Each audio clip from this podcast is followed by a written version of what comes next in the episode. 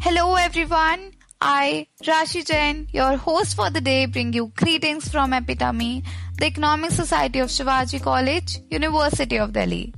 You have tuned into the second and equally exciting episode of the E3 series. To know more, kindly refer to the description. Today, we will be talking about wars, but not the ones where blood is shed and mortar is fired, but one in which imports are restricted and stock rates fall.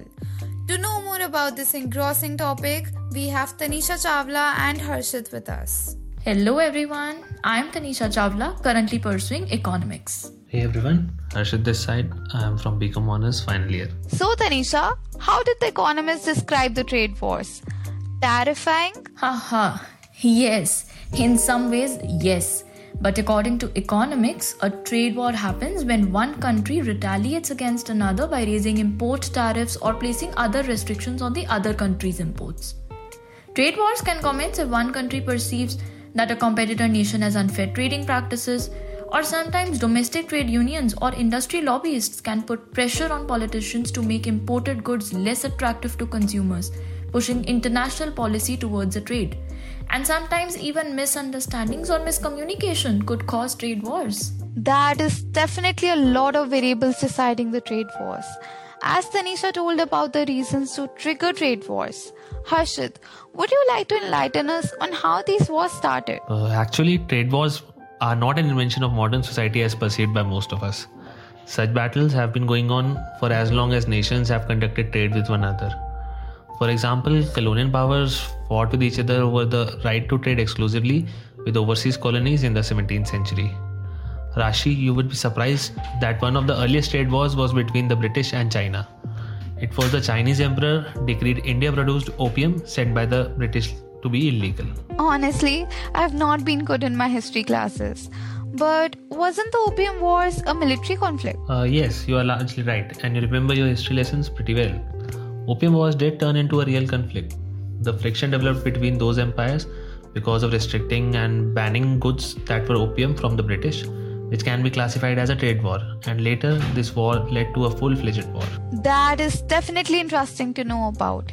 Tanisha, it would be great if you could elaborate for the benefit of our listeners on the relationship between trade and military wars. Surely, Rashi. In medieval or pre modern times, the military acted as the foundation of any empire. Thus, the strength of an empire was proportional to the military strength, and rulers used the same to safeguard territories, people, and trade. So, trade was dependent upon the might of the military.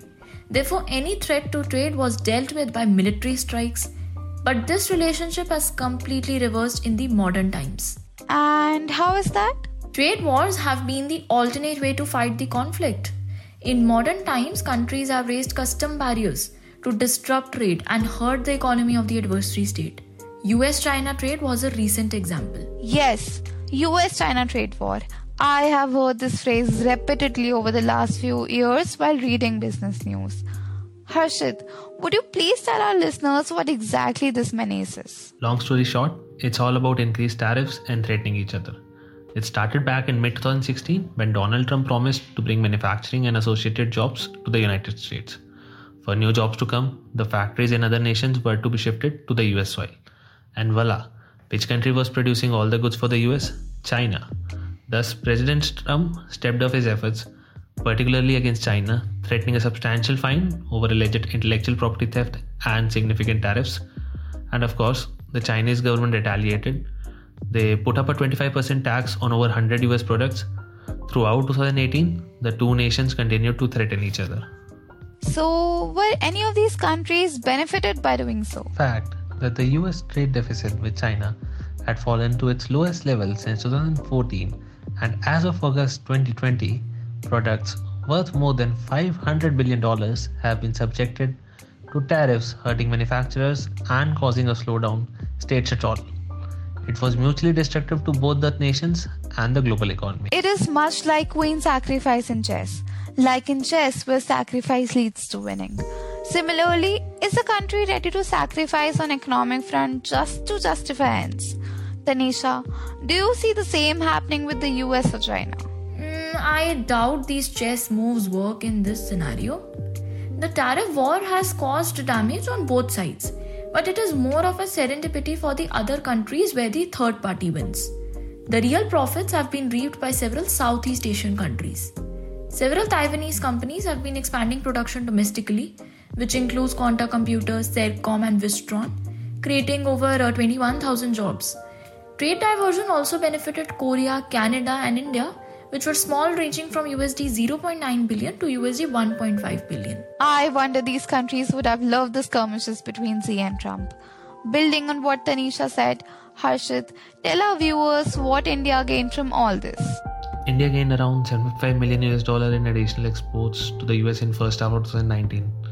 We also increased our export in areas such as agri-food, furniture, office machinery, precision instruments, textile and apparel, and transport equipment, but these gains didn't last for long. Actually, I was arriving at the same point. How does this end or cool off? Is there any international body that mediates in such cases? The US China war cooled down as both realized they can't pull off for a long time. There was an agreement regarding the same between both the countries. Regarding international bodies, we have World Trade Organization to mediate in such cases. Am I right in saying that World Trade Organization's primary goal is promoting trade between countries and intermediating trade disputes between its members? Yes, Rashi, absolutely right. Then, what role did the World Trade Organization play while these two countries were combating each other? China brought this case to the WTO's dispute solving unit, which recently ruled that uh, tariffs imposed by the US in 2018 were inconsistent with the international trade rules, as the US failed to justify the alleged technology theft.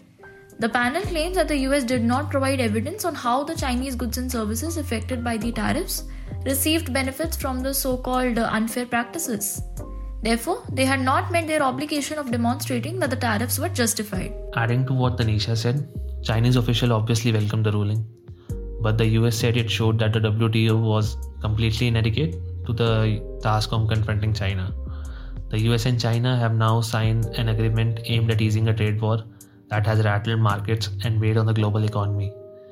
Moreover, Washington's fundamental complaint about the Chinese practices from its approach to subsidizing businesses to cyber theft remain unresolved. That is fascinating. Now we see how such disputes among such few yet powerful countries affect the daily lives of the people and reshape the global economy. The US and China have engaged in a tit for tat tariff war since 2018, and the weapons were billions of dollars of tariffs or extra charges on imports which has led to extra import taxes being le- levied on more than 450 billion dollars worth of traded goods. The dispute has disrupted trade flows, dampened global economic growth, and unnerved investors. But this doesn't mean that China and the US cannot work together. On the contrary, our two countries share enormous common commercial interests the weapon of choice, billions of dollars of tariffs or extra charges on imports. Trade wars are a reality that couldn't be escaped in a globalized world. It's a win win for some and a mislay for others. Thus, in a world swinging between protectionism and trade blocs, the World Trade Organization appears to be the sane option. Voila! Here we culminate our discussion for the day. We hope the discussion was as fruitful for you as it was for us. Stay tuned with us until the next episode. Until then, keep your curious brains at work.